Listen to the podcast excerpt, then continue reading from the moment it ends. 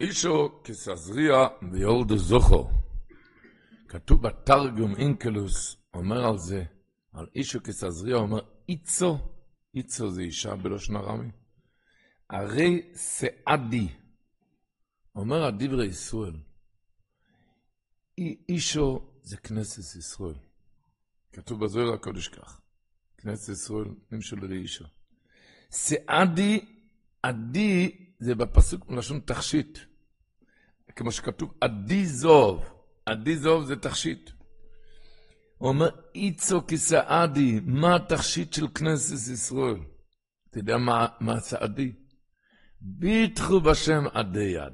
עדי יד, הביטוחן, זה התפארת ויקור של בני ישראל. סעדי, זה התכשיט, עדי זוב. מה התכשיט? ביטחו בשם עדי יד. התכשיט זה בתוכן בכל מצב. מכל מצב כשהולך לבן אדם, איך שהולך, אם הולך ככה או ככה, והוא מתקשט באותו תכשיט של המיני בתוכן, אז אנחנו מובטחים. ויולדו זוכו זה גאילה הסידו שהמדרש אומר בשמויס רבי ק"ג שזה נקרא זוכו. הגאולה. זה מבטיח את הויולדו זוכו בצד אחד, עוד דבר הוא אומר, איצו כסעדה, כשיש לו את התכשיט הזה של מיני ביטוחן, ביטחו בשם עדי עד, אז ביולדו זוכו זה פרנוס.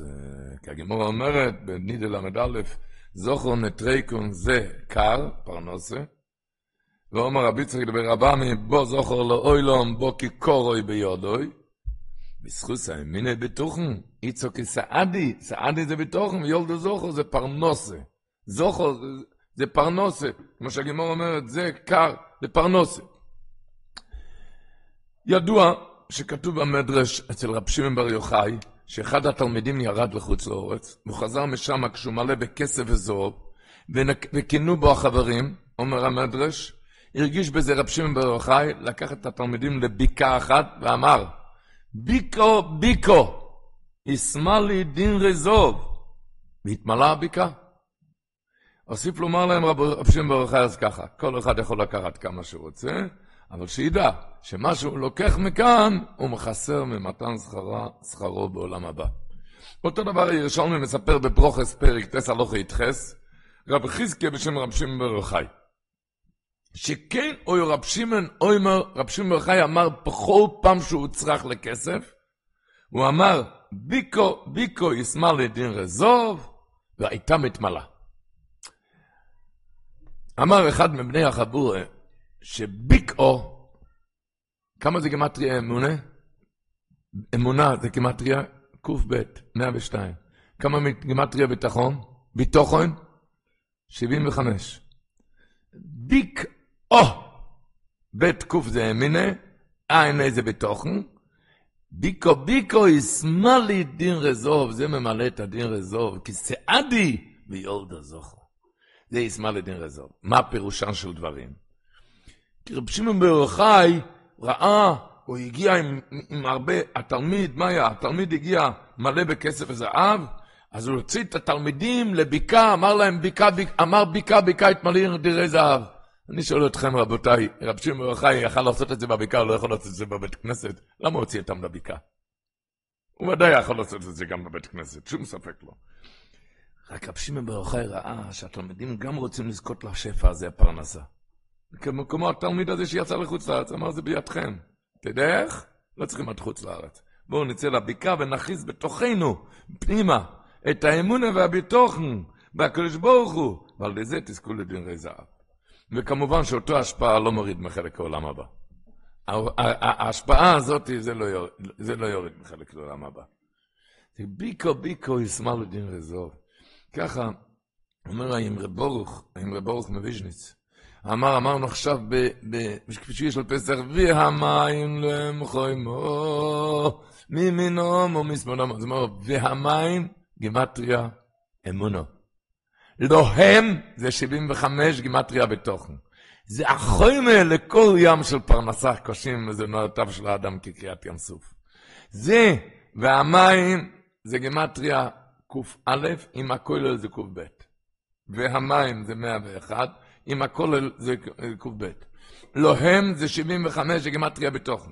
אמיני בתוכן זה החוימה והמגן לעבור את הים. אם קשה פרנסתו של האדם כקריאת ים סוף, האמונה ובתוכן זה החוימה ממינה ומשמאלה לעבור את ה... מסופר שהגוי מווילנה סיפר על זה סיפור.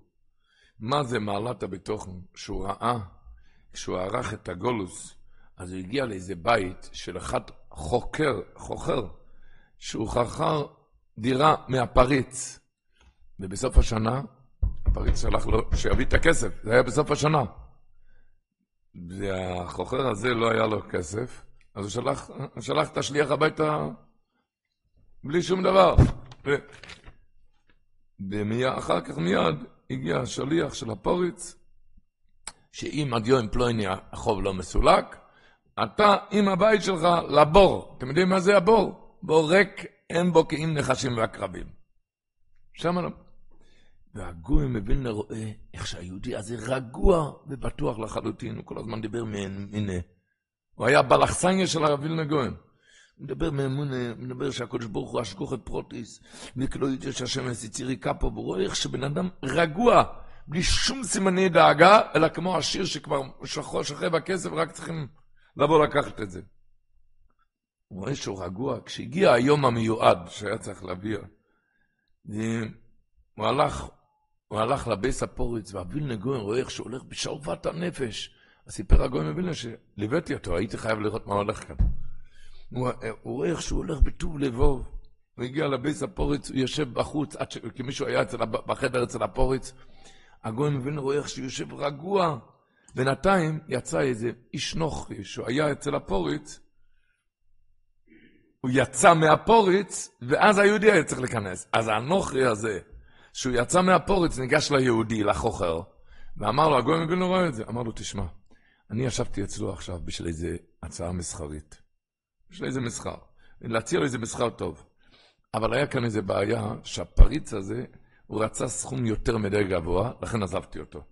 בלי לעשות את העסק. אבל לך אני אומר את האמת, הוא אומר לחוכר, שמשתלם לי העסק, אפילו למחיר הגבוה, לשלם את המחיר הגבוה, זה גם משתלם לי מאוד מאוד. רק בשביל עסקי מסחר, עסקי כבוד, במסחר, אז לא, לא הייתי יכול, אני לא יכול ללכת לחתום על העסק, בשביל עסקי כבוד במסחר. לכן אני מבקש ממך, אתה תהיה כאילו המתווך, אתה תהיה הסרסור המתווך, תיכנס, והוא מיד מוציא לו, הוא יגיד לו, אני נותן לך כבר אחוז דמי תיווך. הוא התחיל לתת לו דמי תיווך, וכאן היה בדיוק בשביל לשלם לו על הפורץ על הכסף. לשלם לו על הפורץ על הכסף, וככה הוא נכנס לפורץ, הוא משלם את הכל. אז הגוי מווילנה סיפר את זה, אז היה מפליא בזה, מה זה אמינה של פשוטי העם.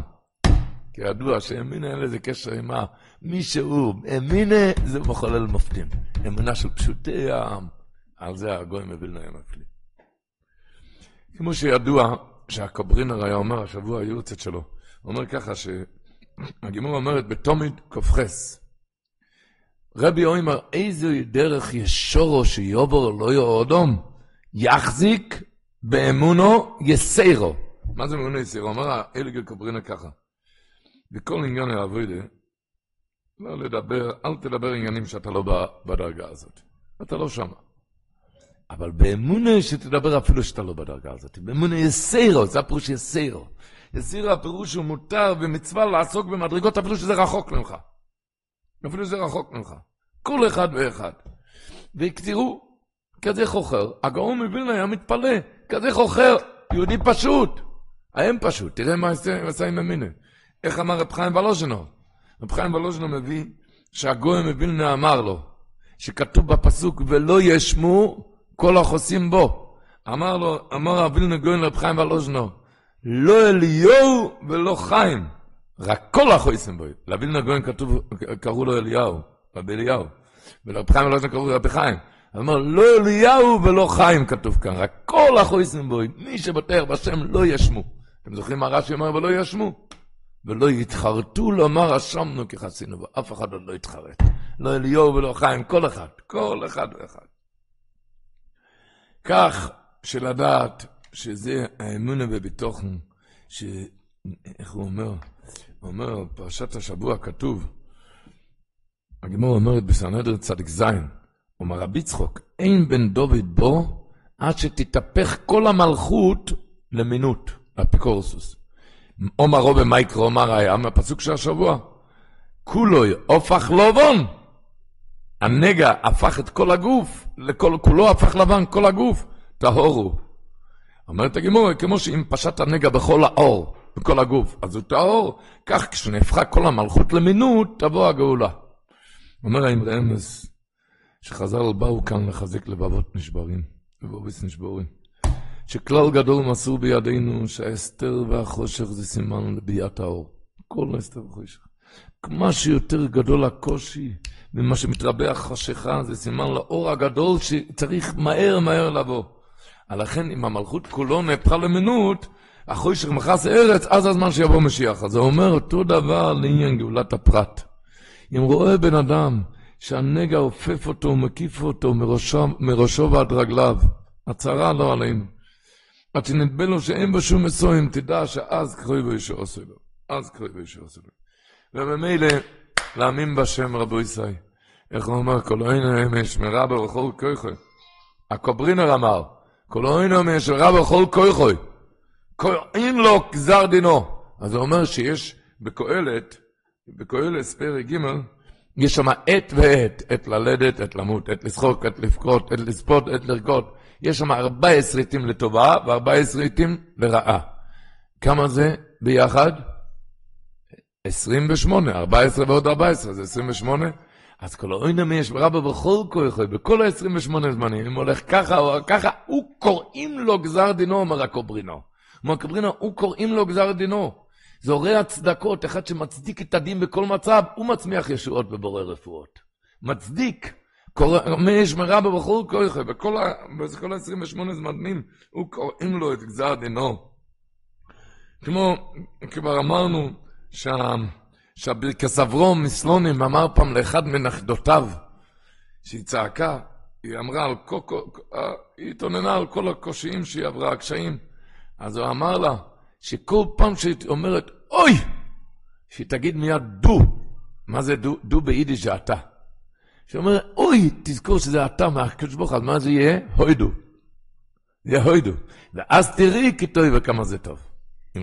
מתי שאת אומרת, אוי, תגידי מיד דו. דו, דו זה אתה ביידיש. ביידיש. וממילא אחד שאומר, זה דו אז יתהפך האוידו לטויב, וככה ידע מאוידוס אל ההלל. אבל כך התכלס של כל ה... כאן מובא שאמר יחזקאל, כותב את זה הבן שלו המגלה צדק, כותב את זה, שדבר פלא ראיתי את האבא, אצל האבא מר יחזקאל. מה ראיתי? שפעם אחת כשהיה מכין בערב שבס על שבס קודש, הוא היה באמצע ההכנות, ופטירדותיו במחשבתו היה טרוד, נקף אצבעו מאוד, קיבל מכה מאוד חזקה באצבע. וראיתי שהיה שמח מאוד על זה. כאילו היה איזו בשורה טובה. על המכה הזאת הוא היה שמח מאוד. ובראותו הוא ראה שזה לפלא בעיניי, איך אני כל כך שמח? איך הוא, איך הוא כל כך שמח? ואמר לי, בני, אני שמח מאוד, אתה יודע במה? במצווה שהזמין לי השם יזבוח בלי ידיעתי. מה יש? שאנחנו יודעים, אין עוד אמנוי קפץ בו אם מלמטו, אלוהים כן, מכריזין עולו מלמעלו. אז זה נקרא, זה ציווי השם. מה זה מצווה? מצווה זה רצון השם. אז אני עכשיו עשיתי רצון השם, כי רצון השם מכריזין עליו מלמעלה. אז כמו שכל מצווה צריך להיות בשמחה, אני צריך לעשות את המצווה הזאת בשמחה, לכן אני בשמחה גדולה. הבנתם? כל מצווה צריך להיות בשמחה, לכן אני שמח על זה. זה, זה כשיהודי יודע בכל דבר, זה מאת השם. כתוב, רבותיי, הפרשה הזאת של נגעים, זה ידוע, זה כתוב לשון של רבינו החינוך. החינוך אומר במצווה כס"ט, אני אוציא קצת מה שהוא מביא כמה בעניין טומאת מצורע. מה זה הנגע? אומר החינוך. משורשי המצווה, מה זה העניין של נגועים? משורשי המצווה. לקבויה בנפשו יסיינו, כי אשגוחס השם בורכו פרוטיס על כל אחד ואחד מבני אדם. זה כל העניין. כי כאן ראו את השגחה פרטית, זה לא הפקר. משורשי המצווה לקבוע בנפשנו כי השגחת השם ברוך הוא פרטית על כל אחד ואחד מבני אדם וכי עיניו פקוחות פקוחות על כל דרכיהם וכדכתיב כי עיניו על דרכי איש וכל צעדיו יראה ולכן לכן הוזהרנו לתת לב אל החולי הרע ולחשוב כי החטא גרם אותו. וכבר אמרו זכרנו לברוכה כבחטא לשנור יובה ברויב ולא ניקחנו דרך מקרה. ויש לנו לבוא אל הכהן שהוא העומד לכפור הסחויטים, הוא עומד הרי לכפר על כל, כל הקורבנות, ואם חבר'ה סמכפר אולי יערער בתשובה, ויוסגר קצת ימים, הרי נסגר ש... כדי שיושב ליבו ענייניו במוסן, ויפשפש במסו, סוגרים אותו שבועיים, שבוע, אם הוא לא חזר שבועיים, למה? לפעמים יוסגר שני הסגרים, למה? העניין הוא שאתה תחזור בתשובה, ככה זה יעבור. ולמה לפעמים שתי הסגרים? הוא אומר, שמא יראה תשובה ולא תשובה שלמה לגמרי. כאילו היא תאמר על דרך מושל, הוא אמר, שחשב להחזיר מחצית גזילתו. הוא אמר, אוי, קיבל נגע, חצי גזילה. לכן הוא עוד הפעם מחזירים אותו. ואז יחדש בו השם קצת סימונים שיוסגר שיינס, אולי יש לנו תשובות יותר לגמרי. אבל אנחנו רואים בפרשה אינטערעסאנטע זאך, מי שלמה בהתחלת הפרשה, בן אדם רואה פתאום על העור נגע. אז איך אומרים, הוא רואה הקדוש ברוך מדבר אליו, טיק טק, נגע. אבל מה ששואלים כולם, בהמשך הפרשה בפרק י"ח פסוק י"ט, כתוב, ובשר כי יהיה בו, לא, פרק י"ג, פסוק י"ח. פרק י"ג, פסוק י"ח. ובוסו כי יהיה בוי באוירוי שכין ונרפו, והיה במקום השכין שאס לבונו. מה זה השכין? מה אומרים חז"ל? מה זה השכין? זה פשוט בן אדם קיבל מכה. ממה הוא קיבל מכה? או מעץ או מאבן. ואחר כך אומרת המשנה, נתחמם אורו מחמת המכה, וזה הנגע. אז שואלים כולם, בישלומה כשפתאום עולה בגוף האדם נגע צרעת מעצמו בלי סיבה, שלא קיבל מכה, אז מבין כל אחד שזה סיבה, סימן מהשמיים שאתה צריך לפשש במעשים. אבל אחד שקיבל מכה מעץ או מאבן, ואחר כך, מה הסימן בזה? הרי ככה טבע העולם, שכל... אה, שכל מכה מביא אחר כך כזה סימן. כזה סימן. אומרים שזה התיאור רוצה להגיד. שלא רק נגע שנראה לך בלי סיבה טבעית, זה נחשב סימן לאדם מהשמיים. רק גם מכה שהוא נחבל, רק גם מכה שהוא נחבל, זה גם מהשמיים. מכה שאתה קיבלת מכה זה גם מהשמיים. לא רק שפתאום נהיה כאן לבן, זה מהשמיים. מקבל מכה זה גם מה שמצד הגבר קוננו. כל דבר, כל דבר למה שמיים. רק יש כזה וורט, מהבר שם טוב הקודש, בערך תזיין, הגמור אומרת, הדרך תכלס איסורים. מה זה נקרא איסורים שמכפר על העוונות? מה הגמור אומרת? מעשנית את עונה, אפילו אושית ידו לכיס לקחת שלושה מטבעות, והוציא רק שתיים, זה גם נקרא איסורים. אומר מורונו הבר שם הקודש, הטולדס מביא את זה בפרשת וישלח. ש... מה פירוש בגמרא, דרך תכלס ייסורים? הליכה ייסורים? מה זה תכלס? מה התכלס של ייסורים? אבא לא רוצה להרביץ. אבא אובו רחמם. התכלס זה ייסורים שבן אדם יחזור בתשובה. אז אם אתה הבנת לחזור בתשובה, כשרצית להוציא 30 שקל והוצאת רק 20 שקל, אז בזה, בזה יצאת חובה ולא צריך, הלאה. כי אתה הבנת בזה את המסר. הבעיה היא, כשאתה לא מבין את המסר, צריכים ללכת יותר חזק. ויותר חזק, ויותר חזק. אומר אבל שם טוב על הדיכן, תכלס איסורים. התכלס של האיסורים שזה צ'יבי מעשים טובים. זה אפילו אם אתה ציט את המטבעות. אם אתה הבנת את המסר הזה, לא צריכים ללכת הלאה. בא נוים אליעזר, זה רב אליעזר זה סיים מסקולן. אדמו"ר הזקן מסקולן, הוא אומר, זה הפירוש, מי שזוכר את הרש"י צו בסערם וזבון עולמו, זו היסטוריה סאוי לו, אומר רב שמעון, ביותר צריך הכתוב לזרז, במוקוים שיש חיסרון כיס. פשוט הפשט חיסרון כיס, כי אין בזה אוכל, אוי לו, אוי לו, מקרים כליל.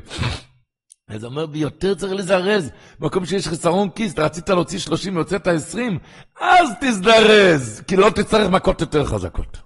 ביותר צריך רק אסור לזרז במקום שיש חיסרון כיס, כשמשהו חסר בכיס, בכל רמז תבין שהקדוש ברוך הוא מדבר אליך. ואז לא תצטרך להגיע ל... יותר, לא, לא יצטרכו לאללה.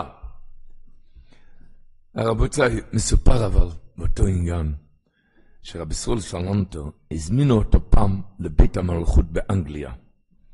ובאותו הזמן היה שמחה גדולה בחצר המלכות, מה?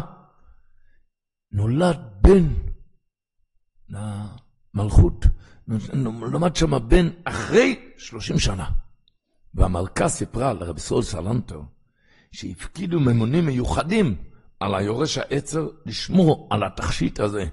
היורש העצר, לשמור עליו בשבע עיניים, בשמירה מעולה, שלא יגיע לו שום צער הקטן ביותר. מה שהוא מבקש, שיקבל מיד, ככה שלא יהיה לו עגמת נפש אפילו כמלוא נימה. ככה היא סיפרה לרב סול סלמנטם, שומרים עליו, שכל הזמן יהיה, שהכל יהיה לו ושלא יהיה לו שום צער, שומרים בשבע עיניים שלא יהיה לו שום צער. שאל אותה רב סול סלנטר, והאם יש ביד, בידיכם גם לשמור עליו על צער כזה כשרוצה להוציא את המטפחת מהכיס הימני, ואחר כך בטעות זה, הוא רואה שזה בכיס השמאלי, נמצא שהוא טרח לחינם. הוא רצה להוציא את זה מהכיס הימני וזה בכיס השמאלי.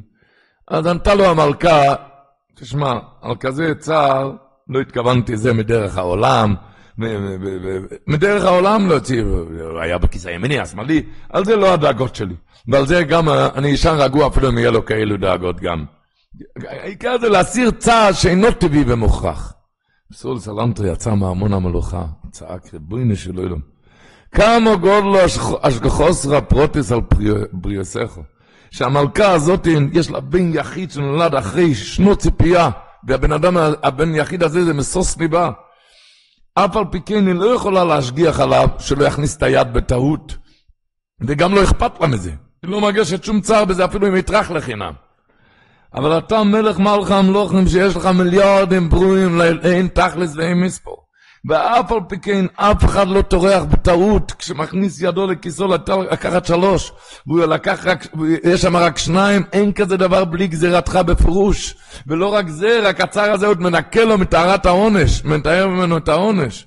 הכמה גודלו של חוסר הפרוטס. המלכה הזאת היא שומרת עליו, אבל זה היא שומרת? לא, לא אכפת לה אפילו מזה, שיהיה לו את הצער הזה, אבל אתה שומר עלינו אפילו מהצער הזה. אפילו מהצער הזה שומר. ואם, זה קורה, אז זה... וממילא רבו ישראל, עניוננו אונו, מה שאנחנו מדברים כאן, שכל העניין הוא להשריש כאן את האמון בהשגוחת פרוטיס. כמו שאומר רבנו הבן איש חי, שכתוב בפרשת השבוע, פרשת מצוירו, הרי תזריע מצוירו, כתוב, אחרי שהוא כבר היה בודוד ישב מחוץ למחנה, אחרי שהוא כבר, אחר כך, והיה ביום השביעי, אחרי שלקחו את הציפורים, כן? ואויו ביום השביעי, יגלח, אס כל סאורוי, אס רוי שב אס קונו, אס כל סאורוי יגלח, שלא בן איש חי, רבנו שלו, מה עכשיו? כבר ישב בודוד ישב. כבר מכניסים אותו עם קורבנות, מה עכשיו לגלח עוד הפעם? מה, מה הגילוח עכשיו? להוריד את כל השערות, מה זה?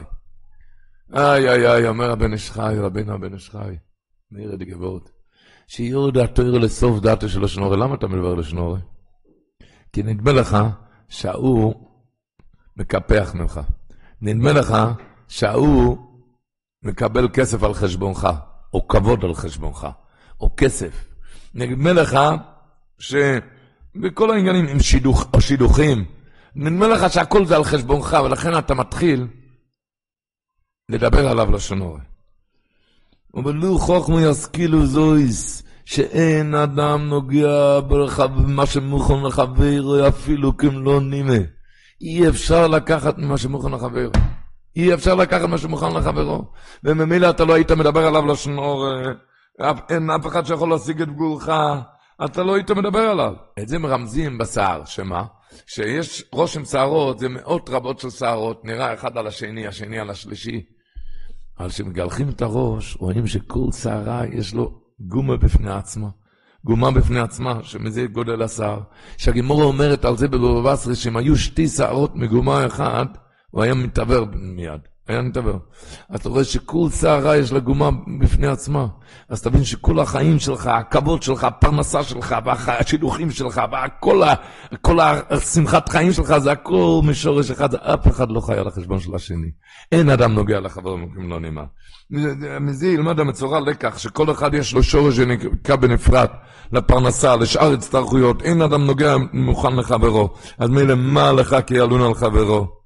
למה ירדוף יום ולילה, אחי, במוח, אולי היה לקח ממני, היה לקח ממני, אין לו איתך שום דבר.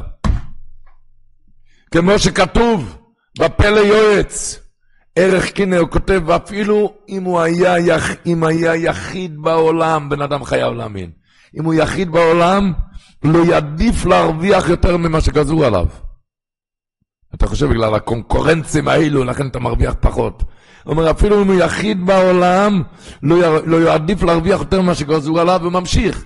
ואם יתווספו סוחרים כמותו, לאלפים ולרבבות, באותו דבר שאתה עוסק, לא יחסר מה שקצוב לו מראש השנה. ממילא, אם תחיה קצת עם האמינה, עם האמינה, איך אומרים? אומרים, למה? למה, למה מצויר מקבל נגע? מקבל נגע, מתחיל לחכך, לגרד. מה זה עושה? מרגיע על דקה, אחר כך זה כואב יותר. ככה נראה לו שנורם. נראה לך שזה נרגע, דיברת עליו, אבל אחר כך זה כואב עוד יותר. אחר כך זה כואב עוד יותר, תדע. זה נראה לך עכשיו הרגעה, איזה אקמול נראה לך. אבל, אה, אבל אחר כך זה מזיק, אתה לא מזיק לשני, רק מזיק רק לעצמך. מה שהוא מחכך, הוא מזיק רק לעצמו. מה ש... איי איי איי, הממילא רבו ישראל, לדעת אם האמון עשה יסם בבוי ראוי לו. דבל זוקט, משמרת העולם, ש...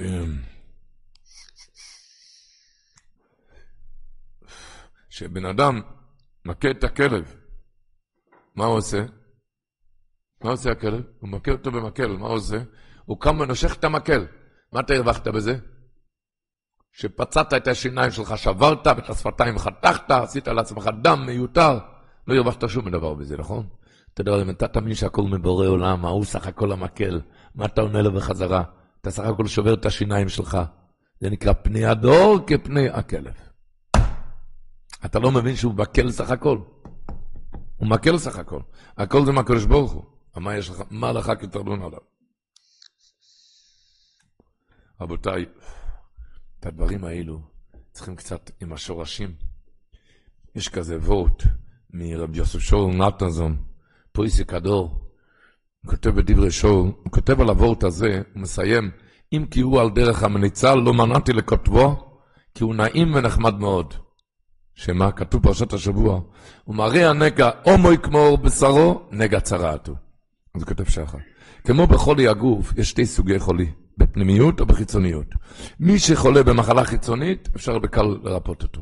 מחלה פנימית, קשה לרפות אותו. השם ישמור. מחלה פנימית זה אותו דבר בחולי הנפש ברוחניות. אם החולה רק בגופו, רודף אחרי תאוות גופו, מתאווה לאכול, לשתות, בקלות אפשר לרפות.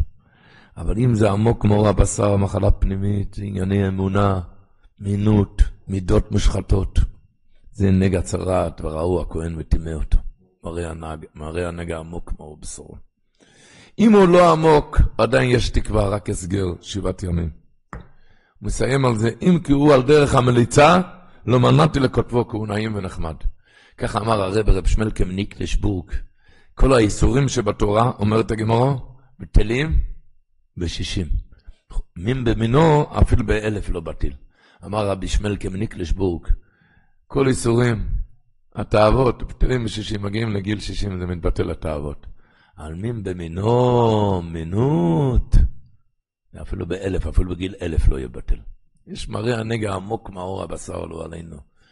איי איי איי, כשיש אמונה אין נגעים, אין לשון הרע. כשרק רק אם מתחילים לחיות עם האמונה, רבותיי.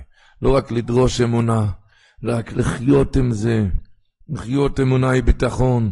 אומר רבי סער, מיום רבי אחם מסוים תנו פה, אומר תנו פה, תן את הפה, ימי העומר, לתאר את הפה, הרב רבי יונסן אייבשיץ כותב בתפארס יונסן בלשון הפסוק השבוע, צרעת ממארת היא. מה זה ממארת? שהצרעת באה על אמירה, על אמירה ממארת, על האמירה. לתאר את הפה מלשון הרע, רחמנא ליצמן. רבנו החפץ חיים כותב בשער הזכירה, פרק ו', הוא מביא בשם ספר הקנה, שהיום בזמן הזה, היום בזמן הזה אין צרעת. מה זה היום? עניות. עניות לא עלינו. כותב על זה, אז הוא ממשיך על זה. באמת לפלא הוא בעיניי, בן אדם צריך פרנסה. הוא הולך לבקש שגולות, ברכות, הבטחות והצלחות. מה יעזור כל הברכות האלו, הוא אומר, בזמן שיש ארור מפי הגבורה שכל ישראל אנו אומן. איזה ארור? ארור מה כראי בסוסר, זה לא שנורא. יש עליך ארור מהשמיים, שהקדוש ברוך הוא אמר ארור. מה יעשה כל הברכות וכל הסיפורים? הוא אומר, אני הייתי מציע לך, הוא כותב, תעזוב את כל הברכות וכל ההבטחות. תשתוק, ואל תדבר את הלשון הרע. והגימורה אומרת שכל הארורים, לפני שאמרו ארור, אמרו אותו דבר ברוך. ברוך אשר לא יכר יהיו בסתו. אז נמצא שיש לך ברכה מהקדוש ברוך הוא בעצמו, שכל העם ענו אמן על זה. אז זה לא הרבה יותר חזק מזה? ככה הוא כותב.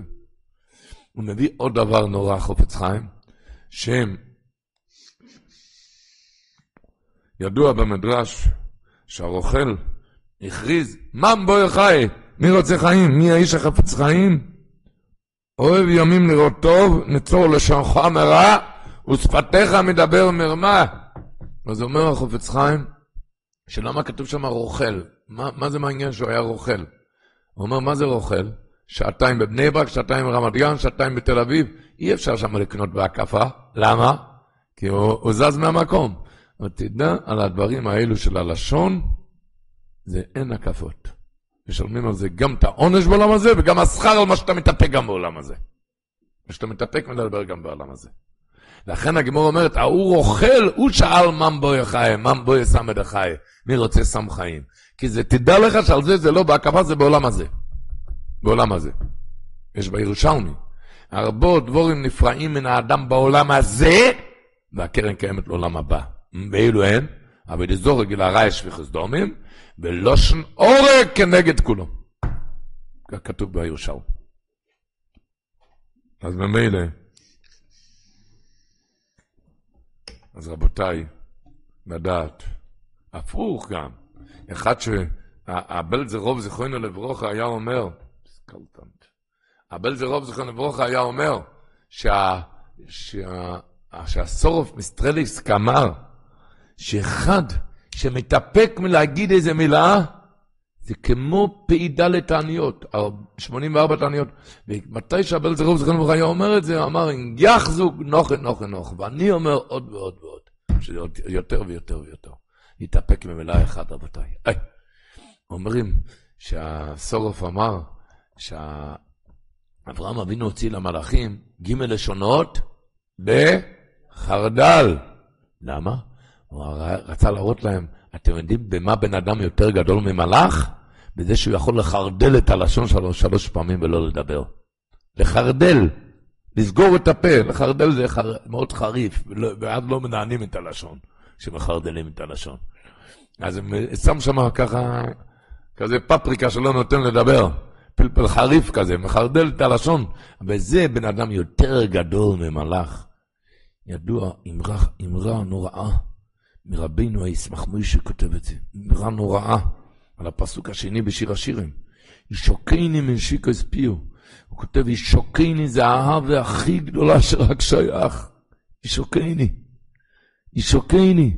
הוא אומר, מתי הקדוש ברוך הוא נותן ישוקני לבן אדם? מנשיקו הספיעו, הוא כותב, כי הוא מביא איזה לשון רש"י, מנשיקות כאדם המשיק שפתותיו, שפתותיו זו לזו בכוח, סוגר את השפתיים בכוח, אתם יודעים מה זה בכוח? בולם פיו. אז הקדוש ברוך הוא נותן לו ישוקני. נורא נוראות. נראה נורא, אתם יודעים מה זה הקדוש ברוך הוא נותן לו? יש לנו מושג מה שאמרתי עכשיו, מה זה המבואות הזה? בואו נתחיל בביזנס, כדאי לנסות. הדבר הראשון, בואו ננסה לדחות את זה בשעה. מה שאתה חייב לדבר עוד שעה. לכבוד פרשת מצורע, לכבוד ימי הספירה, טהרת הלשון, תנופה. תדחי את זה בעוד שעה. ולבקש רחמים מהקדוש ברוך הוא על זה גם. אה, זה לא פשוט. כמה שרואים ויודעים שהחיים והמוות ביד הלשון. אוי, אבל כמה שרואים בזה בכל דור ודור.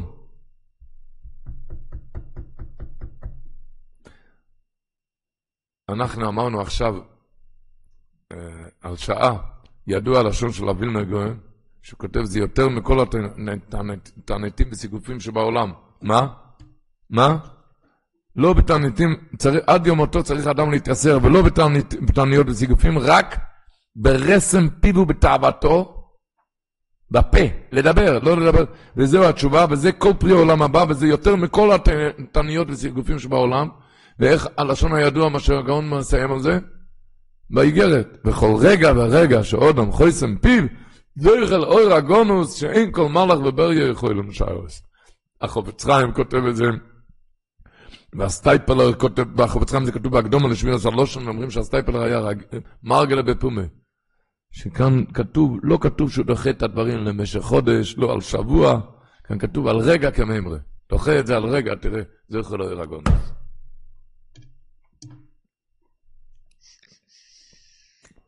מישהו התעונן פעם לחופץ חיים, איזה תלמיד, שהוא היה דרשן. הוא אמר דרש לפני קהל גדול במשך שעתיים, ואמר לחופץ חיים, זה לא השפיע על אף אחד, לא יודע מה התועלת בדרשה. זה לא השפיע על אף אחד. אמר לו חופץ חיים במתק שפתיים, אתה יודע מה שהגוי מבינו כותב כל רגע ורגע שאדם חוסם פיו זוכה לאור הגנוז. אז אתה יודע מה זה שאתה תקבל עכשיו שכר שחסמת פיהם של קהל ועדה שעתיים? שעתיים הם לא דיברו לשון הרע? כך כתוב בחופץ חיים על התויר בפרשת ישראל. בהגאות שם. הרי אי אפשר לשער, אתה יודע מה זה שעתיים הם לא דיברו לשון הרע?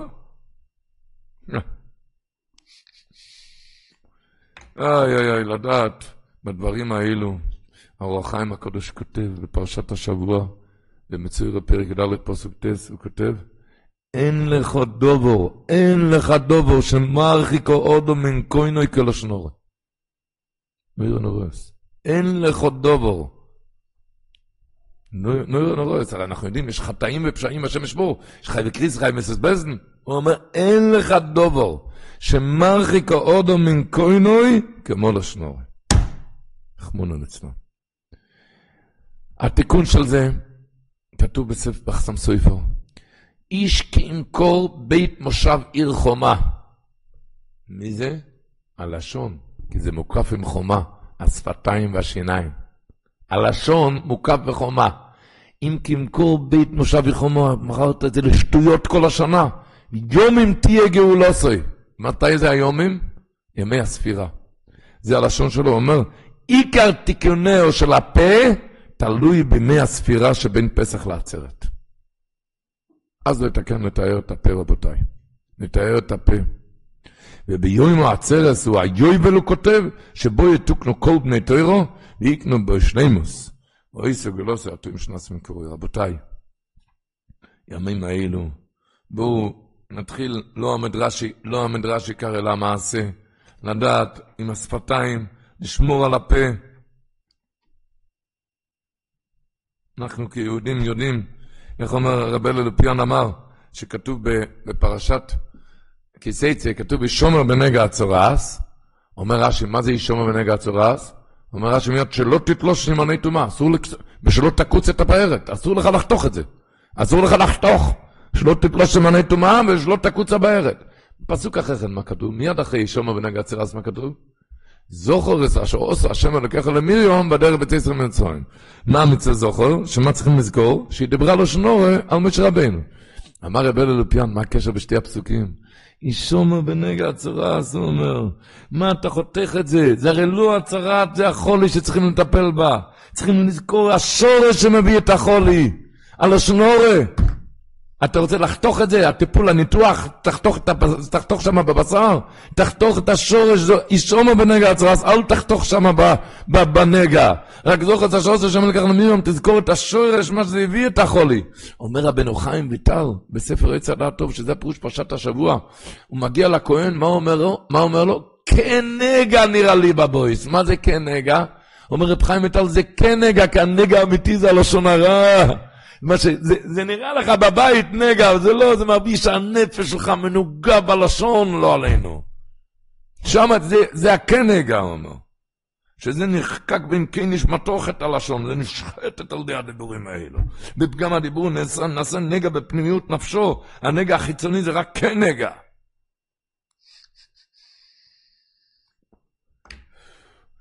האמונה, אי אפשר לתאר. ראו כאן, אופס, דיבר לשון הרע, מיד כאן, אופס. תקנו, הסגירו, הוא יצא בודד ישב, איך אמר רב סחול סלנטו? אמר, למה, למה שלחו אותו החוצה? רואים שאתה מבין על אנשים, תשב בודד ישב, תהיה קצת מבין על עצמך. תפסיק לדבר עם אנשים, תדבר רק עם עצמך, תהיה קצת מבין על עצמך. האמון למשל, זה הגיע זה... זה, זה אומר החינוך, ספר החינוך, משורשי המצווה. מה שהיה מתים הנגויים זה לקבוע בנפשנו שינו כשכוח הזה השם ברוך פרוטס על כל אחד בני אדם. אל תתלה לי במקרים, מיד לכהן, יש משהו, לכהן, אפילו אם זה היה מכה שלה, מיד לכהן. איך מישהו הגיע לחזוני שאמר לו, פחד לנסוע במטוס, כי כמה מטוסים נפלו. אמר לו, תשמע, לא מטוסים נפלים, בני אדם נופלים. כשהבן אדם צריך ליפול, אז הוא במטוס. מה אתה מפחד מהמטוס? אין מה לפחד מהמטוס. אותו דבר רבי רוחם, היה פעם, הרבה כפריים הגיעו לגשר שהיה במיר, בעיר מיר, ו, ו, והגשר קרס וכולם נפלו, נטבעו ונהרגו, נטבעו בים. אמר רבי רוחם, תראו מה זה. מלך בוסר ודום, כשיש אנשים שפשוט חייבים מיתה, מה הוא עושה? מכניס את כולם למעצר, וביום, בבוא יום, מוציא את כולם להריגה. הקדוש ברוך הוא לא צריך לעשות את זה ככה, להכניס אותם למעצר. הוא נותן להם, בראש השנה הוא כתב להם גזר דין מובס, נותן לכל אחד לטייל חופשי חודשי בבית, חופשי בבית, איפה שרוצה. כשמגיע הזמן, מזמין את כולם לגשר, וככה מזמין את כולם לגשר. מה, מה התכוון להגיד? ש, ש, שזה טיפשות גדולה להגיד בגלל שהוא עלה לגשר, לכן הוא נפל ומת. אלא, אלא נכון, מה, מה הוא? בגלל שהוא נגזר עליו למות, לכן העלה הוא הקדוש ברוך הוא על גבי הגשר. שלא אווירו נופל, על הבן אדם נופל. זה האמון הסייסון, האמונה הזאתי שהגיעו. איך החזון איש היה אומר, שהגימור מספרת בברוכס דפי, של רבוני נחמץ 400 חביות יין. היה הפסד גדול. הפסד אדיר. החכמים עלו עליו לנחם אותו. מה הם אמרו לו מיד? לעיין מר במילה. אולי שכבוד הרב יוצא לפשפש, לפשפש במעשים. למה בא לו עונש חמור כזה מהשמיים? והגימור מצ... מצ... מספרת שהם אמרו לו מה ששמעו עליו. בקיצור, הוא תיקן את זה, רבונה תיקן את זה, ומיד הגימורה מספרת, הוא הרוויח את היין. יש שתי דעות בגימורה, או שהחומץ נהפך להיות יין, או שמחיר החומץ עלה פי כמה וכמה נהיה כמו יין. שתי דעות בגימורה. אומר החזון איש, תראה מה עולה כאן. בן אדם נחמץ לו הרבה מאוד חביות יין, איך מתאים? עולים חברים, מה אומרים לו? תגיד לי, איך זה קרה? מתי זה קרה? ואיך זה קרה? אצל חז"ל הקדושים לא היה השפה הזאת בכלל איך זה קרה. למה? כי אם היית שואל איך זה קרה, זה היה מתפרש שהיה בידך לעצור את זה. אם לא הייתי עושה את זה, זה לא היה... וזה כפילה. זה היה חייב לקרות, אין איך זה קרה. רק למה זה קרה? מה, אולי תעיין במעשים שלך. זה היה השפה של חז"ל. זה המצוירו, זה כאן בניגה בת, זה בנגויים. מיד מגיע למצוירו, בעוד עוד ישב צריכים לסגור אותו, משהו קרה. לא שאלו אותו איך זה קרה. אם הוא שואל איך זה קרה, זה אינה נראה להתפרש, כאילו היה ביד בשר ודם למנוע את ההפסד. אם לא היית עושה את הדבר שמפסיד את היין. לכן לא שאלו כזה דבר. כי הם ראו שזה לא בא לו משום סיבה ועילה של בעולם.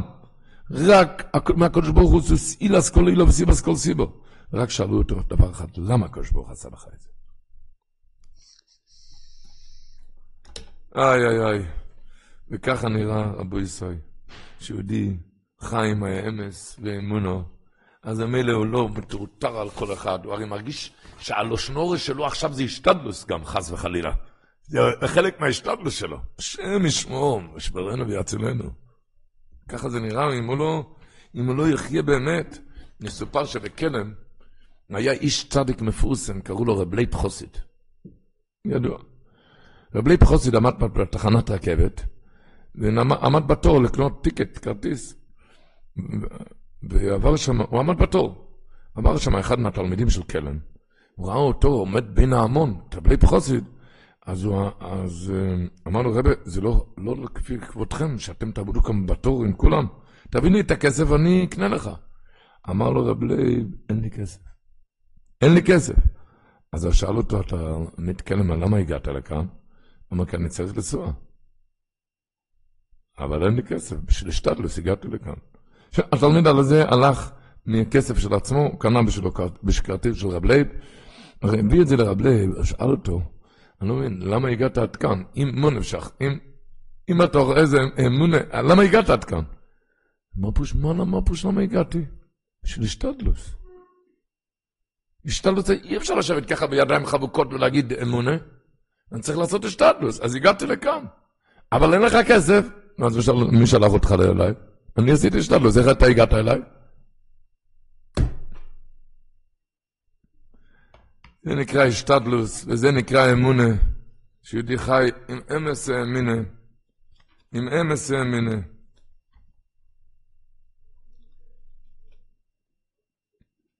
האמס זה השתדלוס לפרנוסה, אז אתם שומעים מה זה. אתם שמעתם מה זה אמס זה השתדלוס. איי איי איי, שמה שהחופץ חיים אומר, מה שכתוב בספר הקונה, שרחמונה ליצלן, שהלושנורה זה מביא עניות. מי שרוצה באמת, השתדלות. איך אמר האמרי חיים היה אומר, השמרתם את הדובר הזה, תשמעו את הדיבור, לחוק זה פרנסה. יהיה פרנסה לך לבניך עד עולם. אמר, אמר, השם יילחם לכם, ייתן לך לחם, ואתם תחישו אם אתה תשתוק. ייתן לך לחם כשאתה תשתוק. שתיקה זה השתדלות, השתדלות. אה? השתדלות קלה. לא לדבר, זה בכלל לא קל, אתם אומרים. איך היו אומרים, הוא היה אומר, הג'ימי גראדר, כל דאלים גבר, הלכה במסכת בבא בסרי, כל דאלים, מי שאילם, גבר, הוא גבר, הוא, הוא מרוויח, הוא גבר, הוא אדם. ראיתי כאן היה, ברחוב רוזנהיים, היה גר יהודי, קראו לו רב אברום שטיינר. היה גר כאן על יד הבית הכנסת של רב ניסים. הוא היה בגיל 96, בריא וחזק, בלי מקל ובלי משקפיים. הוא היה במלחמה, אצל הנאצים במחשמון. ושם היה, סיפר ששם היה הנאצי מחשמו, המפקד, היה לו מנהג כל ארוחת ערב, היה מקריא איזה שם, ואחר כך קרא לו וירה עליו, כל ארוחת ערב הרג בן אדם. היה איזה ארוחת ערב שהוא קרא שם יעקב שפקס, יעקב קצמן. יעקב קצמן. ויעקב קצמן ישב באברום שטיינר. הוא חטף, תקף פחד, אז הוא התחיל לדחוף את אברום שטיינר, יעקב שפקס, כאילו אתה, יעקב קצמן, כאילו אתה יעקב קצמן, יעקב קצמן, יעקב קצמן. אתם יודעים מה זה? איזה ניסיון זה, רבותיי? הוא דחף את אברום שטיינר, נו, יעקב קצמן, יעקב קצמן. אבל יעקב, אברום שטיינר הבין, אם אני אדבר עכשיו מילה אחת, אז יהרגו מישהו אחר. אז הוא החליט, שומר פיו ולשונו, שומר מצרות נפשו, הוא שותק. רבותיי, אתם מבינים איזה ניסיון זה? זה לא ניסיון על מיליארדים, זה על החיים, הוא יודע, עוד דקה יורים עליו. עוד דקה יורים עליו. שומר פיו ולשונו. היה כאן, כולם הכירו אותו כאן. דחף את אברום שטיינר עוד פעם, נו יעקב קצמן, יעקב קצמן. וככה, נעבך, יעקב קצמן נעבך, אה, ככה הוא דחף אותו עד שהגיע, אברום שטיינר הגיע למפקד, המפקד אמר, אני החלטתי היום לעשות הפוך מכל יום. כל יום אני קורא, מקריא שם אחד ואני הורג אותו. היום החלטתי להקריא יום שם אחד ולהרוג את כולם חוץ ממנו. וככה הרג את כל הקבוצה חוץ מאברום שטיינר. אברום שטיינר היה חי 96 שנה, וכל המספידים אמרו בלוויה, שפיו זה גימטריה 96, הוא הרי אמר שומר פיו ולשונו, שומר מצרות נפשו, פיו גימטריה 96. למה סיפרתי לו? יש כאן, יש לו כאן חתם ברחוב הרש"ח כאן, קוראים לו רבי יוסף שפקס. הגאון רבי יוסף שפקס. ורבי יוסף מספר שאחרי המלחמה נתנו פיצויים. ונתנו פיצויים, אלו שיכלו להוכיח עליהם שהם ניזוקו, הם קיבלו פיצויים הרבה יותר גבוהים. אז אמר השוור שלו, רב אברום שטיינר, הוא היה השוור שלו, הוא ניזק. אבל לא יכלו להוכיח עליו שהוא ניזק. לא יכלו להוכיח. בקיצור, הבנים הנכדים רצו שיקבל את הפיצויים הגבוהים. איך היו בודקים? היה רופא מגרמניה, היה מתקשר ודיבר עם הפציינט, הוא דיבר איתו, ואם הוא היה רואה על הטלפון שהוא נזעק, הוא קיבל פיצויים מאוד גבוהים. אז כל הזמן הבנים והנכדים אמרו לו, לאברום שטיינר, סבא, אם הרופא אומר לך ככה, תגיד ככה. טוב, אבל אם הרופא אומר ככה, תגיד ככה. והם עשו אימונים כל הזמן, כאילו הרופא מדבר בטלפון, צלצלו, לא, כאילו הרופא מדבר, ואם הרופא אומר ככה, תגיד ככה. אז הוא אמר להם כל הזמן, חבר'ה, אני יודע, מאמין, כסף זה מראש השנה, אני לא אשקר בשביל כסף. אני לא משקר בשביל כסף. אבל הם אמרו לו כל הזמן, אבל אתה סבא, אם הרופא אומר ככה, תגיד ככה. והם התחילו לעשות אימונים, כאילו הרופא מדבר, הלו? עד, והוא כל הזמן אמר להם, חבר'ה, אני לא אשקר על כסף. עד שבאמת התקשר הרופא, באמת. ואז עלה לו אדום בראש, ואמר לו, כבר אמרתי לך, ילד תמיד שלא ישקר על כסף, וטרק לו את הטלפון עבור שטיינר. אז ההוא הבין שהוא, שמשהו קרה לו בראש, ונתן לו בשביל זה פיצויים מאוד גבוהים. רק שהוא בכזה, אני משתדלות. אוי אוי אוי. לדעת בכל דבר, מה זה נקרא, כש... מה זה נקרא רבי ינקלה גלינסקי היה מספר שהוא היה גבאי של המתת, אתם יודעים מה זה מתת היה בישיבות, מפעל תומכי תורה. בחורים שלא היה להם ביגוד ואוכל. בקיצור, הוא היה הגבאי של הישיבה של מתת. מתי היו עושים על זה עיקר כסף? בפורים. אז הוא בירר את הכתובות, שאיפה אפשר לעשות כסף. נודע לו על איזה עשיר שהוא נותן כסף. מיד אחרי הנץ, הוא התפלל לנץ, אחרי, אחרי הנץ הוא עלה לעשיר הזה, הוא עלה לעשיר הזה, אבל למטה כבר עמדו הילדים, הבנים של העשיר הזה, לבדוק שמה? שאף אחד לא עולה פעמיים. שאף אחד לא עולה פעמיים. ש... זה, הוא עלה, הוא נתן לו אלפיים. הוא הרי ידע שלא יוכלו לעלות פעמיים, אז השאיר שם את המטריה. את המטריה. השאיר את המטריה. אחר כך היה עשה סיבוב בכל העיר, כל היום, וככה לפני מנחה, בסוף היום, הוא חזר לשם. הוא חזר לאותו השיר. אמרו לו הילדים שלו, אתה היית היום בבוקר. אתה... הוא אומר, כן, שכחתי מטריה למעלה. עזבתי. בסדר, אבל אתה לא מבקש פעם, אתה לא מבקש עוד הפעם כסף? בסדר, אוקיי, בסדר. עלה למעלה, הבעל הבית שואל אותו, מה? כי הבעל הבית היה זקן קצת, הזקן, הוא היה זקן. אז שאל אותו, מה? אמר לו, מה לא, שכחתי מטריה. אחר כך שואל אותו, בכסף אתה לא צריך? אמר רבי ינקלה גרלינסקי, אני הבטחתי לבנים שאני לא אבקש פעמיים, אבל לא הבטחתי שאני אגיד שקר. הוא אמר לי, אם אני צריך כסף, שאני אגיד לו לא? אני אגיד לו לא, אני לא משקר. אמרתי לו, כן, אני רוצה כסף. אז נתן לי עוד הפעם אלפיים. חזרתי עם ארבע אלף. חזרתי לישיבה, וכל הישיבה כבר ישבו באמצע משתי היין. קפצתי על השולחן עם הארבע אלף בידיים, ואמרתי להם, חבר'ה, אתם יודעים מה זה מלמד? מה זה מלמד? שצריכים לדעת איפה להשאיר מטריה. איפה להפקיד בה. מה זה הפירוש?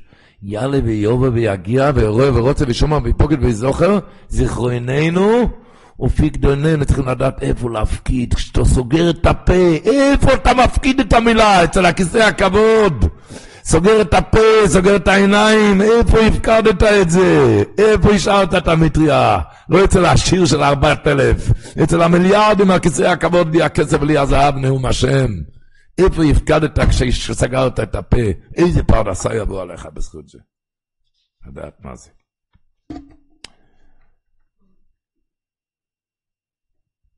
רבותיי, אחיי ורעיי, אהוביי וידידיי, כתוב בזוהר הקדוש, הרי כתוב בפרשה וציווה הכהן, ולקח למטהר שתי ציפורים חיות טהורות. אומר הזוהר הקדוש דבר נורא שצריך להיכנס חזק חזק במוח. כולנו יודעים ודיברנו מה זה איסור לשון הרע. אבל הזוהר הקדוש אומר, מה זה השתי ציפורים? כמה דעונשא דהאי בר נש, כמו שיש עונש לבן אדם. בגין מילה בישה בגלל מילה רעה שאמרת, כמו שיש עונש על מילה רעה, כך עונש אותו עונש בגין מילה טובה, מילה טובה, דקאתי לידי שהגיע לידך, יכולת להגיד מילה טובה, ויכיל למעלה, יכולת, ולא מעליל. אותו עונש, נורא נוראות מה שכתוב כאן. כמו שיש עונש על לשון הרע, אותו עונש, יכלת להגיד לשני מילה טובה, למה לא אמרת? נו יראה נורס, רבותיי. אני חושב שצריכים טוב טוב להכניס את זה למידע במוח, כי לידה לידה לא יודעים את זה. וכמה כמה בדור שלנו יכולנו להציל נפשות רבות רבות ורבבות עם המילה הטובה. כי כל הצרות מגיעים. אני לא מקבל את המילה הטובה בבית, מחבר, מידיד. אוי, כמה שהיינו מצילים. בא רב שירה בלזר ומסביר שזה הפירוש, ציפור, דם ציפ, ציפור אחד שחטו, ציפור אחד, ושילח את הציפור החיה על פני השדה. אז אומר רב שירה בלזר, שציפור אחד שחטו כי זה על לשון הרע. מה זה אצלנו לשון הרע? הגמרא אומרת, היא מפטפטת, הציפור מפטפטת, פטפטי דברים, הציפורים מפטפטים בציפוף קול, לכן שוחטים אותה. זה שוחטים, זה הלשון הרע. הציפור החיה, למה לא אמרת מילה טובה? שולחים אותה על פני השדה. למה שתקת במקום שצריך לדבר? אדרבה, מעכשיו יצפצף בקול במילים טובים, לחזק ולתמוך בזולתו. אה, נגיד מילה טובה לשני. איי איי איי, הוא מפחד אבל, אולי השני יבוא לידי גאווה. רבי חזקאל לוינשטיין היה אומר שתלמידי רבי עקיבא מתו בימים האלו, למה? לא נהגו כבוד זה בזה. שלא נהיה ילדים קטנים, מדובר פה תלמידי רבי עקיבא, זה גאונים וצדיקים וקדושים וטהורים. אבל מה? אמר רב חזקאל לוינשטיין, שהם חששו שעל ידי תנהוג כבוד בשני, תביא אותו לידי גאווה. ולכן הם לא רצו לתת. שאול לא יגיע לידי גאווה. אבל הוא אומר, באמת זה היה פגם וחיסרון, למה? כי זה לא מענייניך לדאוג על הגאווה של השני. אתה צריך לדאוג דבר אחד, לא שיהיה עניו. אתה צריך לדאוג שהוא ירגיש טוב, לתת לו כבוד. כבוד לתת לו. לא, הוא מפחד. איך אומרים, גדול כבוד הבריאות שנוחת, לא עושה שבתורה. אפילו אם יש איסור להתגאות, הכבוד הבריאות שלך, זה ידחה, אתה לא תעשה זה. זה, זה, לא, זה לא העסק שלך, אומר רב חצקל לוינשטיין. אז איך הסביר רב שיעה לבלזר? אמר שזה הפירוש, בן אדם מפחד להגיד לשני מילה טובה. למה? אולי הוא יבוא לידי גאווה, ואולי יצא מזה איזה מכשול. אומר, הגמרא אומרת, ושלח את הציפור החיה על פני השדה. אומרת הגמרא שהציפור החיה הזאת היא ודאי מותרת באכילה. מה הראיה? כי לא אמרה התורה, שלח לתקלה. כי לא ייתכן, אתה שלחת את זה על פני השדה, מי שמצא את זה, הוא הרי לא ידע שזה משולחת, אז הוא יבוא לידי תקלה. חייב להיות שהמשולחת מותרת באכילה. אמר רב שיר, אומרים, אומרים שזה הפירוש, הציפור החיה, אמר רב שיר לבלזר, זה על, על הדיבורים הטובים שיכלת להגיד. אבל הרמב"ם מפחד, אולי יצא מזה תקלה. אומר, לא אמרה תורה שלח לתקלה, אל תפחד, לא יצא שום תקלה. סך הכל אתה תעבוד על המידות המשחטות, שלא, הקמצנות שלך שלא נותן להגיד לשני מילה טובה. איך אמר רב גודל אייזנר, אמר, שטודירט, שטודירט, אני התלמדתי הרבה על הסוג הזה שקוראים לזה בן אדם, וראיתי שעם מילה טובה אפשר להפיל ממנו חומות בצורות, חומות בצורות בכל העניינים ובכל המובנים. כל העניינים וכל המובנים. מספרים שרבי סזלמן מלצר היה נוהג מאוד מאוד לתת דברי שבח לתלמידים במנה קדושה. ושאלו אותו פעם על המנהג הזה. מה זה? הוא היה אומר מילים טובות, אולי עוד מעט נספר קצת מזה. אבל שאלו עוד פעם את רבי זלמן, למה הוא אומר כל כך הרבה דברי שבח לתלמידים בזה מנה קדושה? אז הוא אמר, בדידי ועובדה. הוא למד בוולוז'ן. בימים ההם לא היו להורים שלו עניים פרוטה לפרוטה. וכשהוא הלך ללמוד, הוא הלך שם רגלי בקור בכפור, עם הבגדים. בדרך נקראו הבגדים והנעליים. הדרך, כי לא היה כסף. הוא הגיע לישיבה מבויש ונחלם ממצבו הדל, נעליים קרועות. בקיצור, הוא היה לישיבה, הוא היה במיטה, באותו חדר, עם הגוהן, רב זלג ריבן בנגיס. הרשב"ז מירושלים. והם היו חברים טובים. ויום אחד רב בנגיס ראה שרבי סזרמן שבור. רבי סזרמן סיפר את זה. הוא רצה לעודד אותו, הוא נכנס פעם לחדר, רבי סזרמן, מדוע פונך רואים? אתה יודע, הראש ישיבה אמר עכשיו איזה חידוש בשם שלך. הוא דיבר עכשיו מהקושייה שלך. רבי זלמן העיד שהדיבור הזה נסח בקרבו כוחות מחודשים, זקף לו את ראשו, מאז הוא סילק את העצמות מליבו, ואז הוא ראה מה זה דיבור אחד משפיע על נפש הבחור. רב חיים ברין סיפר, הוא היה תלמיד שלו, של רבי זלמן, הוא אמר שהיה איזה תלמיד שם, שהוא הרגיש מאוד חלוש וירוד. ובאותה תקופה הוא שאל קושייה באמצע השיעור את רבי זלמן.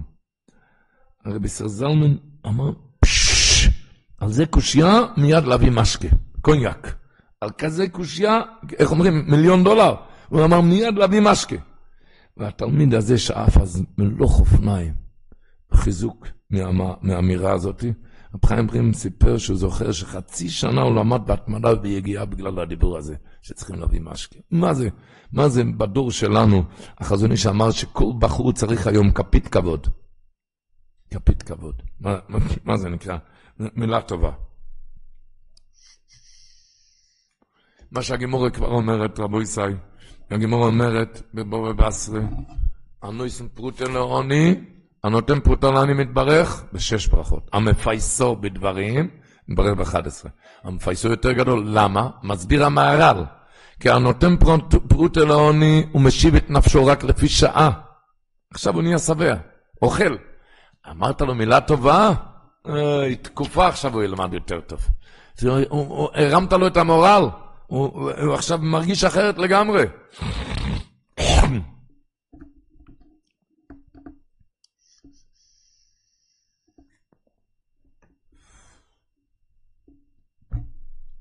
כמה, כמה יכולים להציל מילה טובה.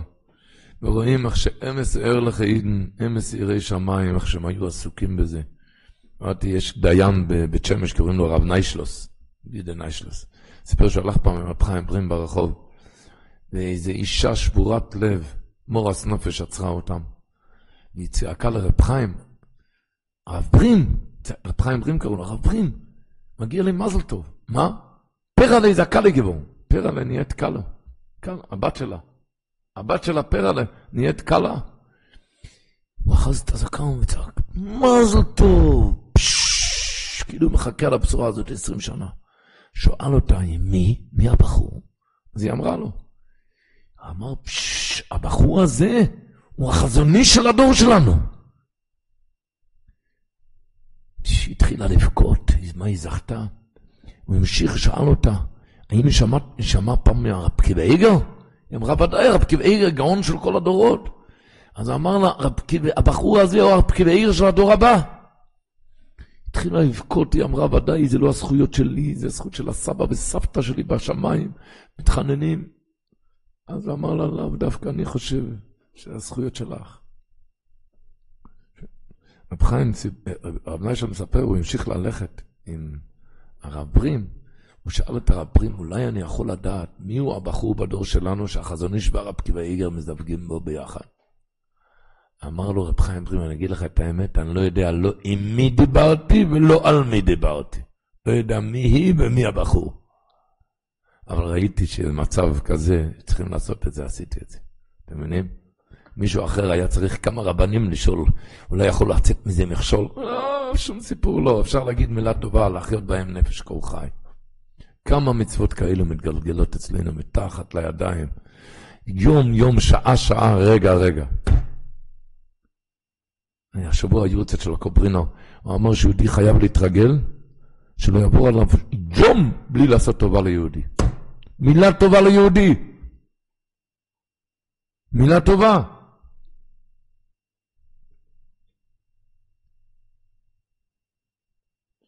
אומרים איזה אמרה נוראה.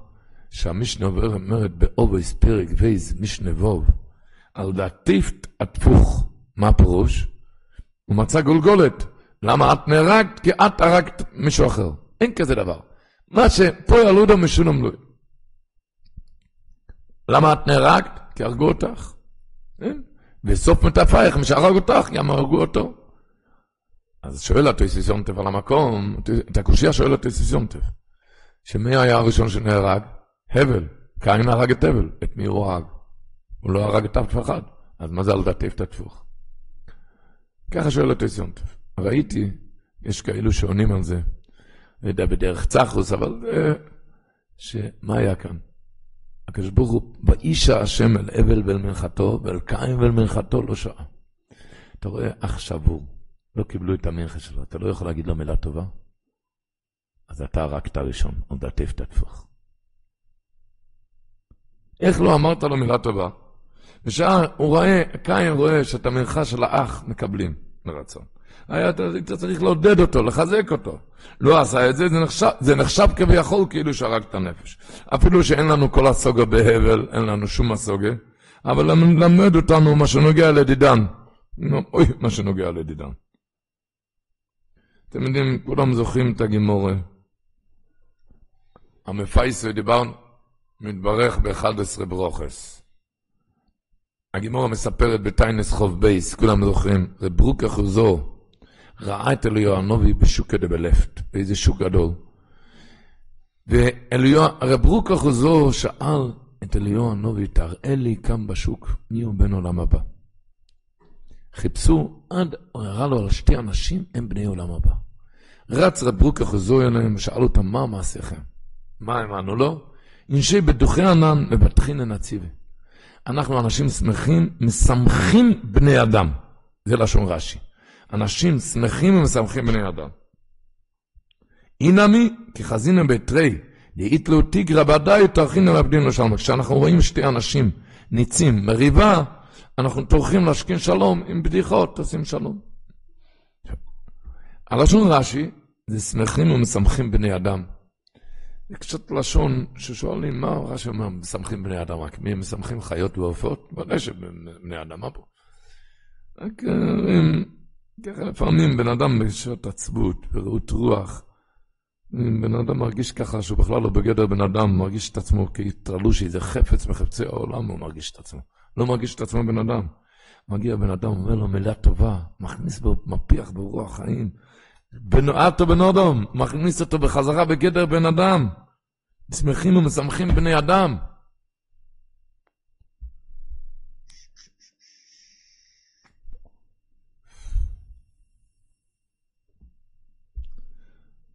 אבל התירס חיים על המקום, לא, לא על המקום, הרב איגר על המקום, בגיל יש"ס, בטיינס חוב בייז, מציין, עין בתירס חיים, סנהדרין פחס, ושם הוא כותב דולו נר. שמה הפירוש כאן, רב רוקה חסור שואל, מי הוא בן עולם הבא? אנחנו יודעים, כל ישראל יש להם חלק לעולם הבא, אז מה השאלה מי הוא בן עולם הבא? אז הוא כותב שם, דובר נוירו נורוס. כל ישראל יש להם חלק לעולם הבא. אבל יש הרבה מעברים, צער, מיסה, חיבוטקי ורוישה של גיהנם, דבר שאי אפשר לפרט. זה לא, זה לא, הבא צריך נש... כל כך מהר. זה, יש מעברים. אומר, כשהוא שואל מי בנוי הבא, הוא אומר כמות שהוא חי, לא עובר שום דבר. לא צער מיתה, מיתה כן, בלי צער. בלי, בלי צער, בלי צער מיתה, בלי חיבוט הקבר, בלי עונש של גיהנם, שום דבר, מיד על המקום בגן עדן. אתה יודע למה? משמח, משמח אנשים עצובים. אני אקריא, עכשיו אני אקריא את הלשון שלו. אומר התורס חיים, בכל ישראל יש להם חלק לאחר שמת ונידון בחיבוט הקבר ובעונשו של גיהנום, שהמיסה והעונש שמכפרים עליו ונעשה בין עולם הבא. אך זהו בין עולם אבו כמו שהוא חי. מה זה נקרא משמח אנשים עצובים?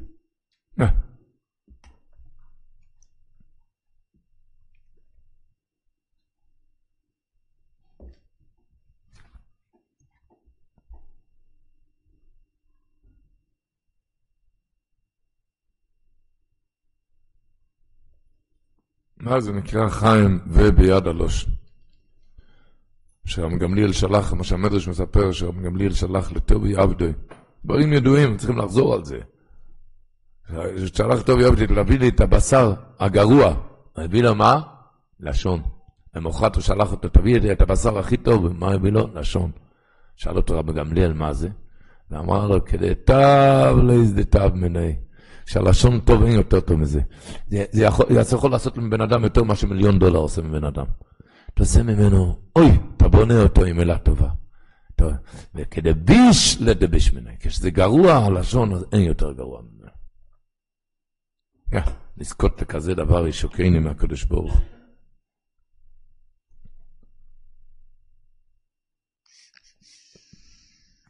היו אומרים, בשם הגדולים, אני לא זוכר בשם מי אומרים, שבפסיכס האורן זה עת רצון גדול בשמיים. אז בפתיחת הזמן ודאי, שמתחילים ללמוד, כולם מתחילים ללמוד הישיבות, הכוללים. ובשקט כולנו נתחיל, גם כולנו נתחיל. מתחילים הרי בדרך, סופרים צפירת העומר, זה לחג מתן תורסינו. ודאי שצריכים כאן להתחיל עם, עם, עם, כל, ה, עם כל הכוח, כל הכוח, עם התמידות. כמובן, אומרים, המשך חוכמה אומר ששלומים זה קודשים קלים. מתי, מתי השלומים נהפך לקודשי קודשים? מתי זה? שלמי ציבור. כשכל הציבור מתחילים, מתחילים ללמוד. בואו נתחיל כולנו כבר את הזמן. נתחיל את הזמן מקודשי הקדוש. אמרנו כך, היה עכשיו ליל הסדר, ליל שימורים. כל אברך ידע מה היה מצוות היום שלו, הרבה מצוות. מה מצוות היום? והגדת לבינכו. שואלים כל ילד, מה, מה אתה מחכה לליל שימורים? מה? יגנוב את האפיקוימן. יוצא, מה זה והגדת לבינכו? להיות גנב. אה? אבא מצווה והגדתו. שואלים את הילד, מה, מה אתה מחכה לאפיקוימן? מחכה לליל הסדר? אפיקוימן. לגנוב את האפיקוימן. אבל הגעת לבינכו להיות גנב, מה הפירוש בזה? אומרים כן. לא שנה הרמב"ם בסוף הלכי שמיטן. אומר הרמב"ם ידוע, לא שבט לוי בלבד אמרו, לא רק שבט לוי בלבד, אלא כל אשר נשאו אלי בו רוצה ללכת ללמוד, להתחיל ללמוד. הרי זה נסקדש קודש קודשים. הקדוש ברוך אומר, אני אזמין לך, כמו שהזמנתי לשבט לוי אוכל, גם יהיה לך אוכל. אל תדאג, אתה לא, תפ... לא תפסיד מהשאר לימוד, מקביעות איתים לתורה. אתה לא תפסיד. שום דבר לא תפסיד. איך הוא אומר? זה רמב"ם קשה, לא קשה להבין. זה קשה איך, איך מבצעים את זה. אם יש דאגות פרנסה, וגם צריך מחטא ילדים, וגם עוד קומפוט, הרבה קומפוט לכל השבע כיוונים. אז מה יהיה כאן? אז איך אני מבצע כזה רמב"ם? איך? צריך ללמוד, אני יודע, באמת, קבעת איתי, אבל איך אני מבצע את הרמב"ם הזה? לכן בליל שימורים, כשיש מצוות והגדת אביך, לוקחים את המצה האמצעית שקוראים לזה לוי, כי לשון הרמב"ם זה לא שבט לוי בלבד אמרו.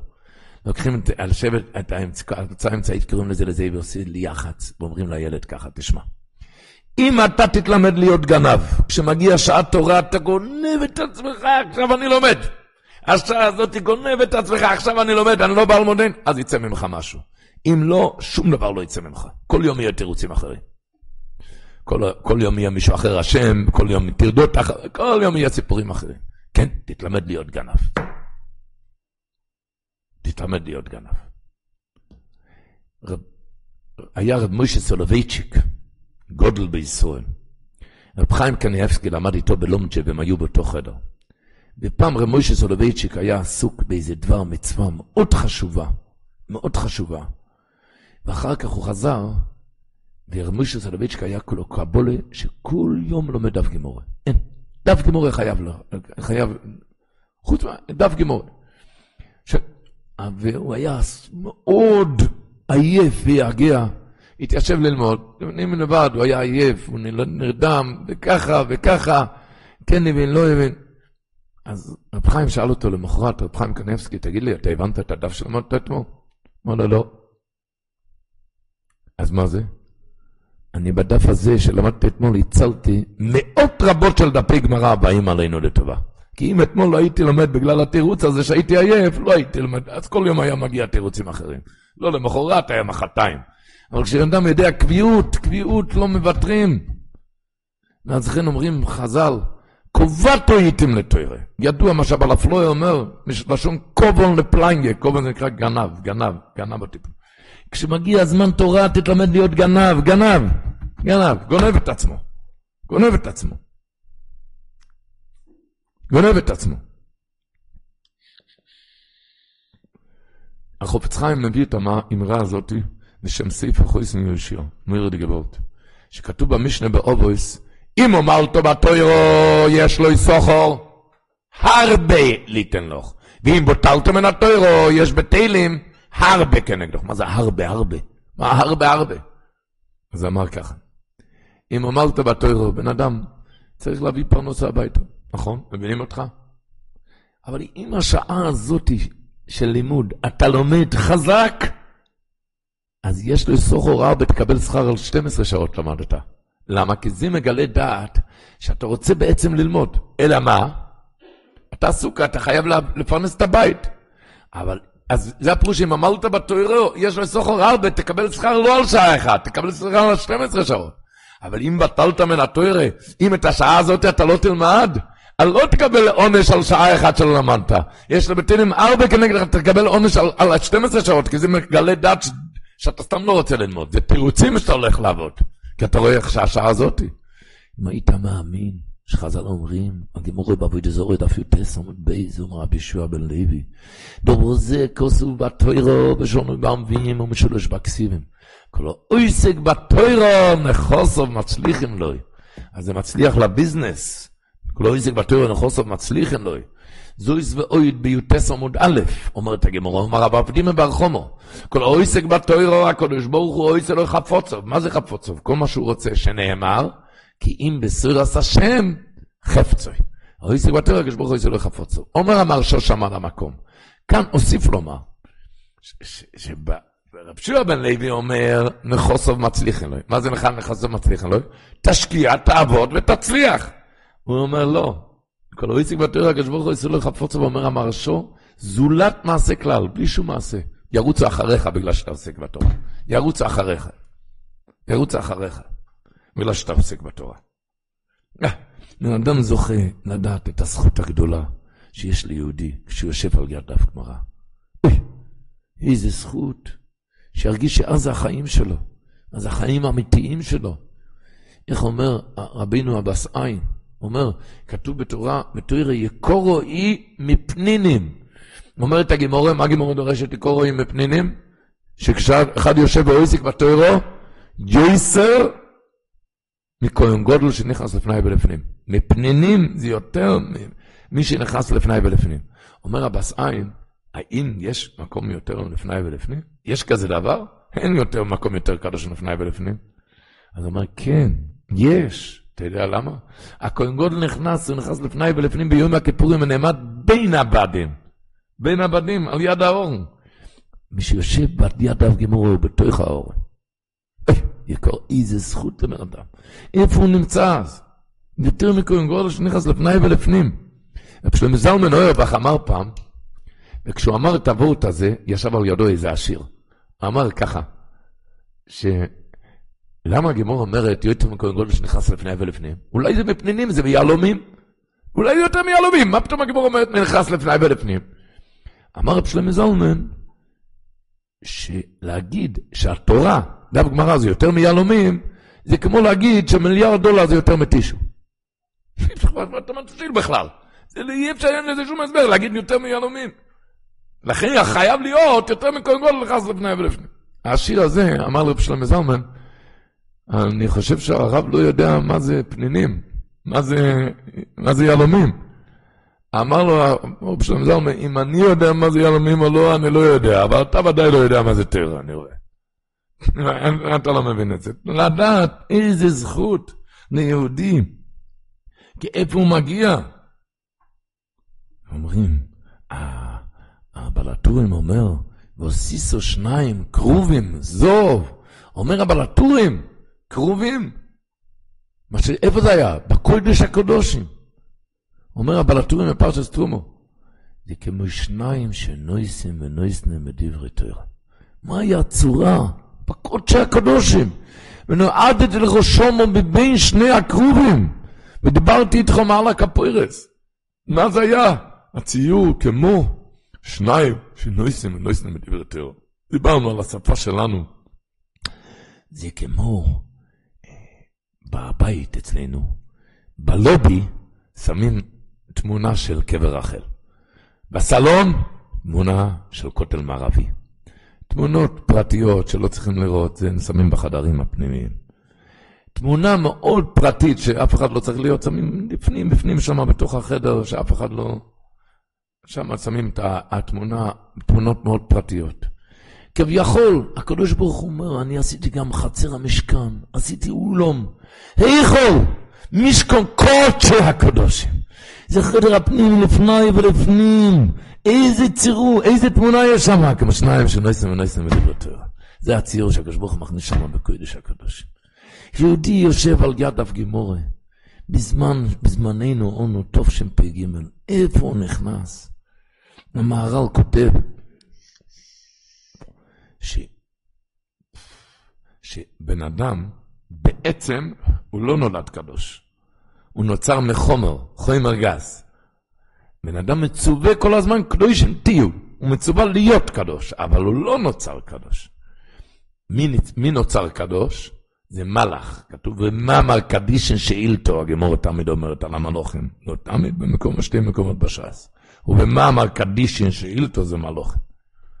אומר המהר"ל, שבן אדם בעצם לא יקודש, מלאך הוא בעצם קדוש. אוכן אומר. אבל כשבן אדם מתיישב על יד אב גמורה, הוא נכנס למוקם קוידש הקודושים, שאין שום רשוס למלאך לקודש. היי, רבו ישי, שאנחנו נדע מה זה קביעות לשיעור תורה. אני זוכר, בזמנו זה הרעיש את כל העולם כשהיה הסיפור הזה. זה היה לפני קרוב ל-40 שנה.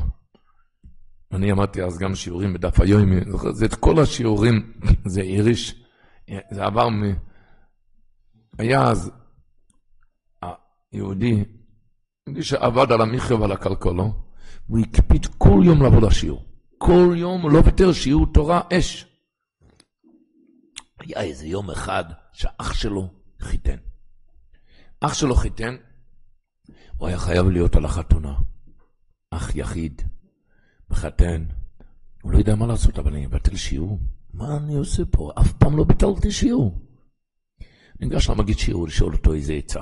תשועה ברוב יועץ. אמר לו המגיד שיעור, יש לי עצה פשוטה בשבילך. מה? הוא אומר, יש לי קסטה, אז היה הטייפים והקסטות. יש לי קסטה מהשיעור מהמחזור שעבר בדף הזה. קח את זה, תיסע לחתונה, הוא נהג רכב. תיקח את זה, תשים את זה בטייפ, וככה גם תיסע, גם תשמח את האח, גם תלמד. הוא לקח את זה על הדרך, והוא נסע על החתונה, למד על הדרך, זה היה רכב שהוא לקח בתוך הרכב, בטנדר, כל המשפחה שלו. נסע על מי מנוחות, באמצע הדרך היה פקק. הוא פיחד שהוא יאחר את החופה.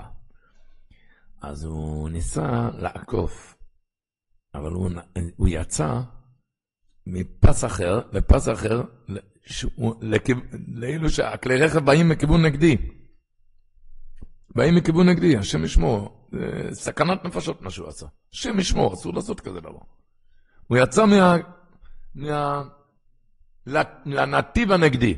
הוא עבר לנתיב הנגדי. עבר לנתיב הנגדי, וזה סכנת נפשות. אבל הוא מיהר, זה לא תירוץ. ממהר, זה סכנת נפשות. פתאום, כשהוא נוסע ככה מהנתיב הנגדי, הוא שמע קול של משטרה. אז מיד הוא נכנס בחזרה, מיד נכנס בחזרה, ואיך שהוא נכנס בחזרה, הגיעה משאית ממול, משאית באה במהירות נוראה, שהוא ראה שהיה נס שהיה הקול של המשטרה, כי אם הוא היה נשאר על המקום שם, בנתיב הנגדי, הוא היה נהרג, הוא עם כל המשפחה על המקום. כי הוא הגיע בכזה מהירות, מהירות נוראה. הוא הודה לקדוש ברוך הוא על הניסים והנפלאות. מה היה הניסים והנפלאות? דרך מה? דרך הקול של המשטרה, כי היה שם קול המשטרה, הוא נכנס, ואז היה הנס הגדול. הוא ידע שעכשיו הוא צריך לחכות, לקבל את הקנס הגדול, אה, מה שהוא עשה, כזה חטא ופשע, אבל לא היה אכפת לו הכסף בכלל, הוא הציל את החיים, הציל את החיים. הוא מחכה למשטרה שיבוא, מסתכל וכל... הוא לא מגיע, אף אחד לא מגיע. אף... אין, הוא נוסע הלאה, ממשיך לחתונה. שמח בחתונה, שמח ושמח, וחזר הביתה, אז הוא הכניס עוד הפעם את הטייפ של לחזור על השיעור. חוזר על השיעור, ופתאום כשמגיע הוא שומע עוד הפעם את הכל משטרה. על מה הבינו שמה? שלפני שבע שנים במחזור שעבר, כשהמגיד שיעור אמר את השיעור, אז עבר משטרה, וזה נקלט לקסטה, ואז הקדוש ברוך הוא כבר הכין לו את ההצלה, שהצלה להציל לו את החיים, לו ולכל בני הבית, אם הוא ישמור על השיעור תורה. מה זה נקרא? אז זה עבר לכל השיעורים, מה זה נקרא שומר על שיעורי תורה? זה בזכות שהוא שמע את השיעור. השם ישמור אם הוא לא. אם הוא לא. אה, יום אחד לא נשמע שיעור, שלום. לא, ודאי צריכים לכבד אח, אבל אתה רואה, יכול עם זה גם ללמוד. ותראה, רק בזכות זה, הוא הציל לו את החיים. אמרו את זה, מה זה, לפני שבע שנים הקדוש ברוך הוא כבר הכין לו הכנה שהמשטרה תעבור, ולהציל לו את החיים לאחד שהוא מקפיד על שיעורי תורה. מה זה קביעות תתאים לתורה? מה זה קביעות תתאים לתורה? קביעות, קביעות. יש לי דוד הגאון, רב דוד הרשקוביץ' שליטה. אז הוא אמר פעם, ועוד שהגימור אומרת, גימור שואלת סטירה, במקום אחד חצויס לילה, אוקום לא הוידס לו, שדוד המלך קם בחצות. במקום אחר כתוב, קידמתי בנשף השבוע. בנשף זה ארבע שעות אחרי תחילת הלילה. נשף זה לפני חצות. אז שואלת הגימור איזה סטירה. הגימור אומרת כמה תירוצים. אז אמר לי, אבל דבר מה העניין? שהגימור לא מצדדת אפילו צד אחד להגיד שזה היה כשהיה, כשלא היה לו חתונה, זה היה בחצות. הפוך, כשלא היה לו חתונה בנשף. כשהיה לו חתונה, הוא קם יותר מאוחר, קם בחצות. לא, אין כזה צד. אין כזה צד. אפילו הרב אמינא לא. זה לא קשור, אתה הולך לישון מתי שאתה הולך לישון, אבל לקום, אתה צריך בזה. מה קשור מה שאתה הולך לישון למה שאתה קם?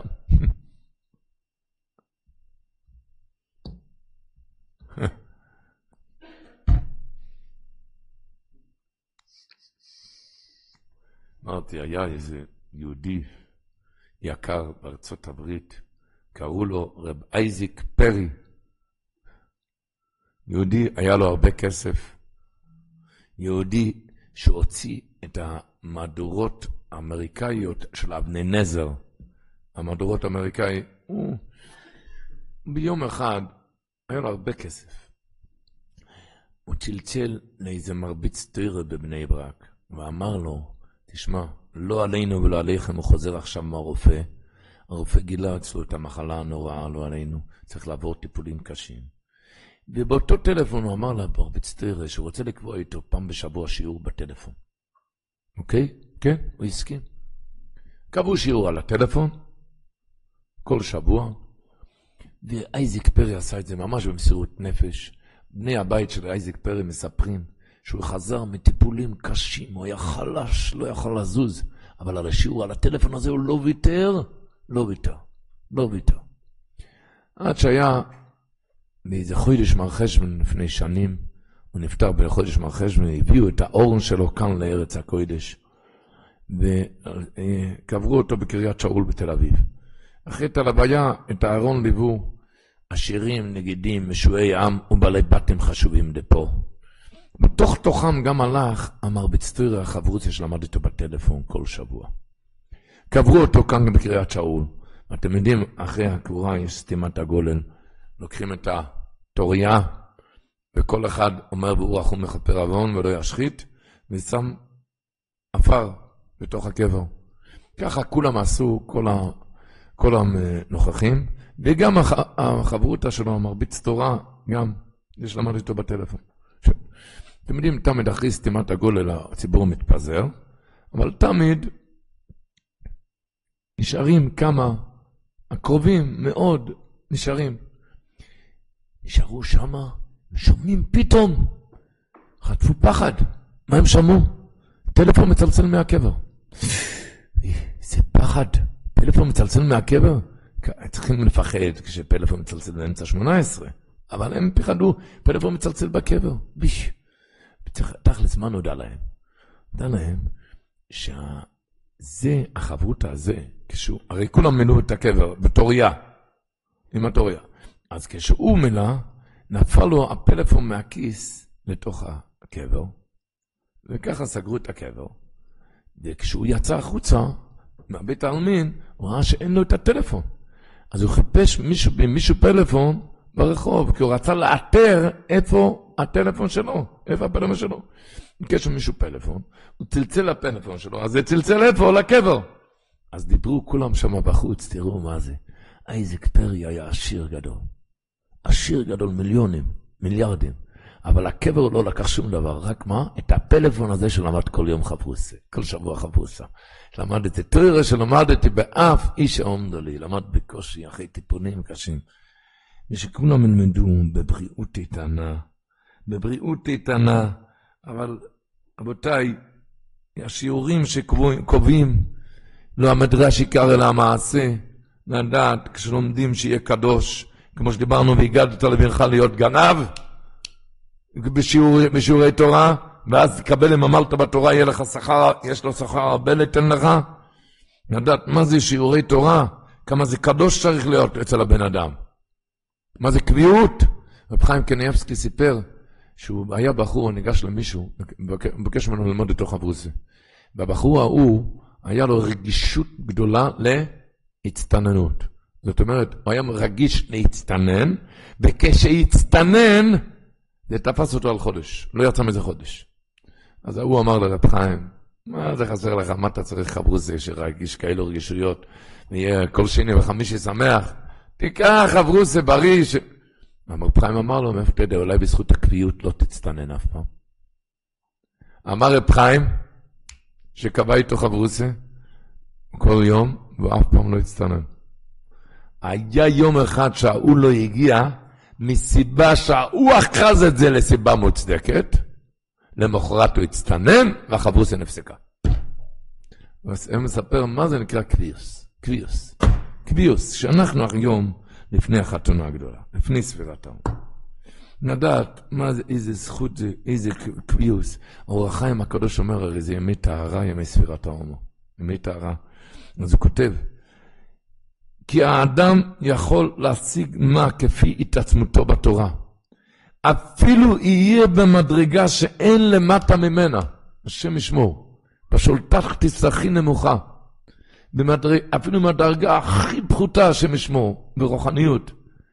אם הוא יעמול בתורה, אם יטריח, ישיג השגות עליונות כפי שיעורה יגיע.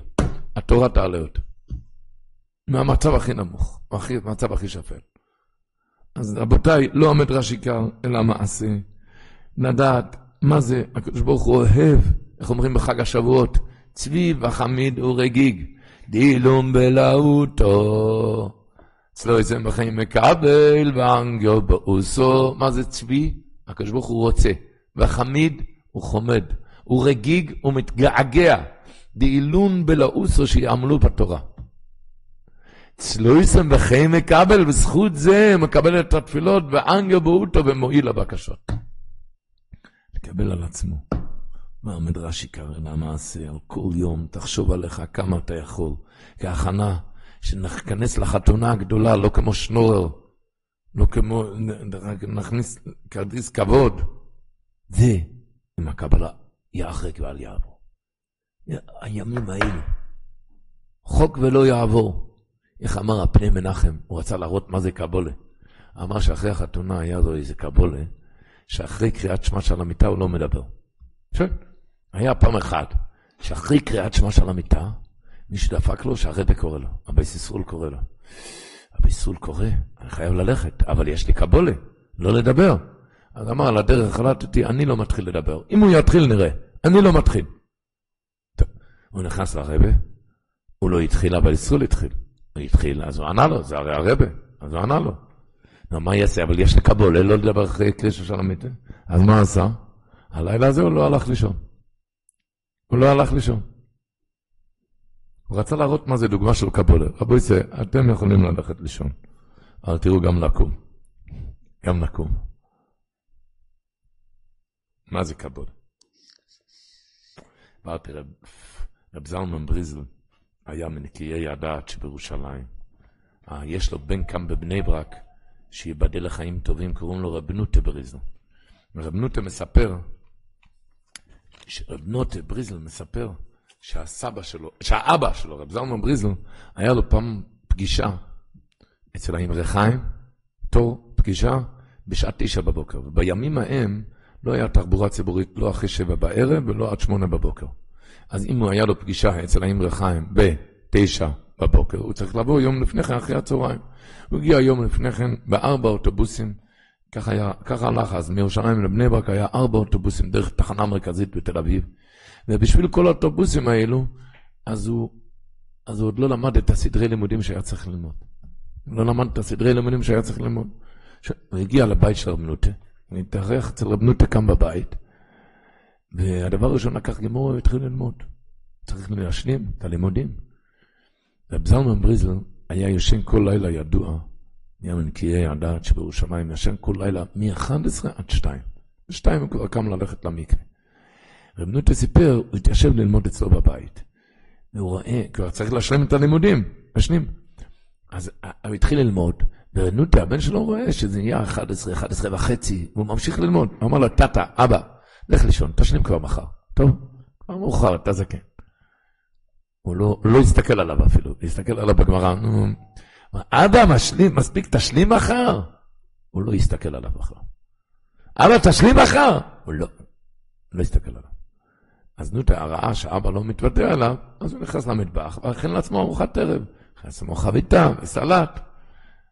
הוא נתן לי עדיין לאכול. כשהוא התחיל לאכול, אז רב זלמן האבא גמר ללמוד. גמר ללמוד ועבר על יד המטבח, הוא ראה איך שנוטה, הבן התחיל לאכול. אמר לו, נוטה, מספיק, מספיק, תשלים מחר, תשלים מחר, תשלים. רוצה להראות לו, כאכילתכם כתורתכם. כאן יש להשלים מחר. גם כאן להשלים מחר. היו אומרים את זה בדרך מניצה, לכולי עלמא בשבת ניתנה תורה. כמו בשבת יש כזה דבר, אני אשלים מחר, משלים איזה ביזנס טוב, אפשר להשלים מחר. אותו דבר, תורה. דף גמורה, היום, היום, להיות גנב, ואז יש לו שכר הרבה ליתן לך, שמעזור, שנזכה, כל ההשפעות, לנצל את הזמן, וכל ההשפעות הטובות, לא נו לכל ישראל.